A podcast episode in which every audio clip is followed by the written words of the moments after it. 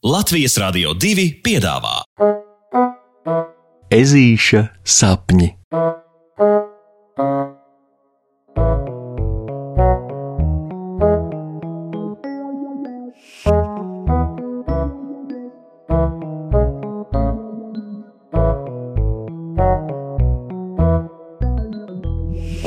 Ezītis ir zirgā.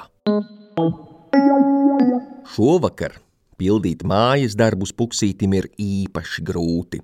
Un nevis tāpēc, kā būtu nogurums, tur dulla galva vai vēl kaut kas tam līdzīgs, bet tāpēc, bet tāpēc, ka lejā no virtuves visu laiku skan smiekli. Un te nav runa par vienkāršu pieklājīgu ķiķināšanu. Te ir runa par īstām zirgošanās lavīnām, par tādiem smiekliem, ka paši smējēji smieklu asaru slapjām sejām vēderus turēdami ripinās pa zemi. Jā, un tādi smiekli vienmēr nozīmē tikai vienu. Ciemos ir atbraucis puksīša tēta bērnības draugs, nelabojamais optimists zirgs Ludvigs. Protams, protams, lai viss taptu skaidrs, vispirms ir jāatbild uz jautājumu, kā gan meža ezis var sadraudzēties ar pilsētas zirgu. Nu, redziet, tas ir ļoti interesants stāsts, bet visinteresantāk to klausīties ir tad, kad šo stāstu stāsta tieši Ludvigs pats. Tāpēc Tā, tāpēc Puksītis vispirms aši pabeidz pēdējos divus matemātikas uzdevumus un steigšus diedz, ko ķepiņas nes lejā uz virtuvi. Onkule Ludvig, onkule Ludvig, čau! Onkule Ludvig, pastāsti lūdzu vēlreiz, kā jūs ar tēti iepazināties? Jā, bet Puksīt! Zviedzoši iesmējas Ludvigs. Tu taču šo stāstu esi dzirdējis 150 tūkstošu miljonu reižu pareizi. Jā! Piekrītoši un apmierināti apstiprina ežulis un ieriktēja sērtāk līdzās Ludvigam, lai pabeigtu domu ar Un ļoti gribu to dzirdēt vēl tikpat daudz reižu.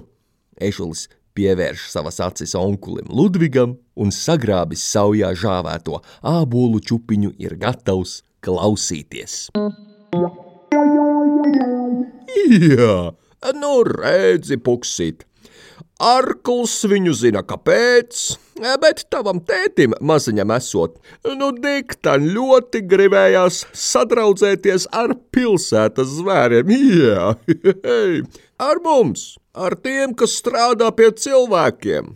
Un, neskatoties uz pārējo pieaugušo meža dzīvnieku brīdinājumiem, ka tas esot bīstami un ka pilsētas dzīvnieki esot ļoti iedomīgi, tavs mazais tētis, hei, šitais dūlais rakaru bosiks, jā. Tomēr visai bieži mēdza aizlavīties līdz mežmalai, lai pavērotu tuvējā saimniecībā šiverējošos cilvēku palīgus pilsētas dzīvniekus. Redzēja, viņš vēroja, kā viņi strādā, kā draudzējas ar cilvēkiem un tā tālāk. Tētis taču bija lūriķis. Puksītis pēkšņi iestarpina un ļauj viņa ausīm sasniegt Ludvigas smieklus. Nu, varbūt pavisam, pavisam maziņš lūriķis precizē tētis, iekams onkulis Ludvigs turpina.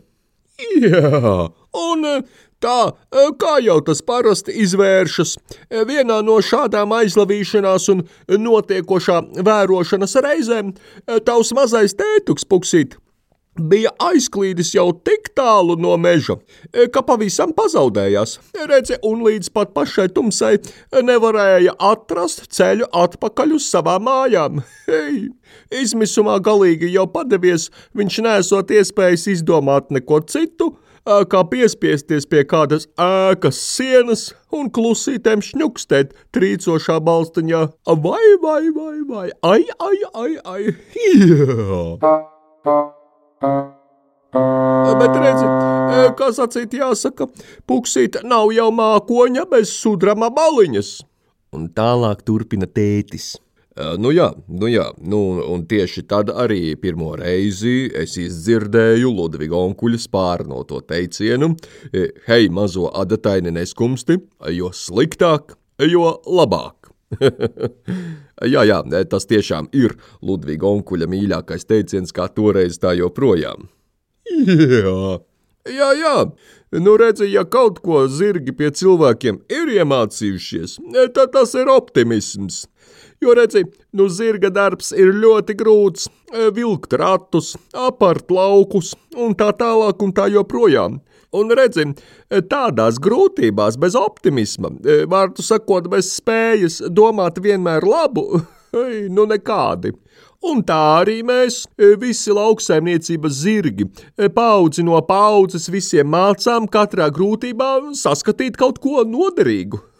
Un beigu beigās nonācām pie atziņas, ka vispār, jo sliktāk, jo labāk. Un jā, tieši tāpēc mēs arī spējam darīt visgrūtākos darbus, jo katrā grūtībā spējam saskatīt labumu labumiņus. Jā, zirgi jau nav aitas, kas vienkārši visu dienu ēd un skatās mākoņos. Visgudri papildina arī puksīts un priecīgi vēro, kā Ludvigs atgāž galvu un atkal smējas, piecirdams pakavu galdā. Atguvis elpu, Ludvigs turpina stāstu. Jā, jā, tā nu toreiz es tavu mīļoto tētiņu ieaicināju pie sevis mājās, pacienāju ar pienu un mellenēm, nomierināju viņa satraukto prātu un nākamajā rītā uzcēlis mazo ežuli sev mugurā, aiznesu šo atpakaļ uz viņa mežu. Tas tik bija skats, es tev teikšu, puksīt, tas tik bija skats. Visi meža svēri tā brīnījās, ka vienīgais, ko viņi pārsteigumā spēja, bija izsaukties, tas ezītis taču ir zirgā.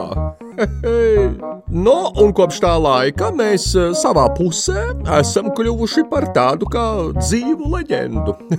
par to, kā ezītis uz zirga jājas. un onkulis Ludvigs jau atkal smējas.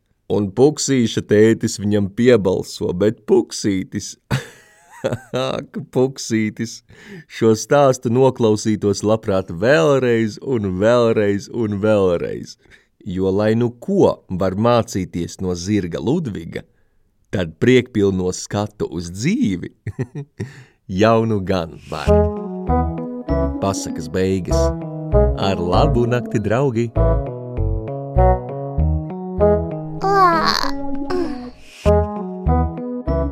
Saldus tev sapnīšus! Tiksimies rītdien!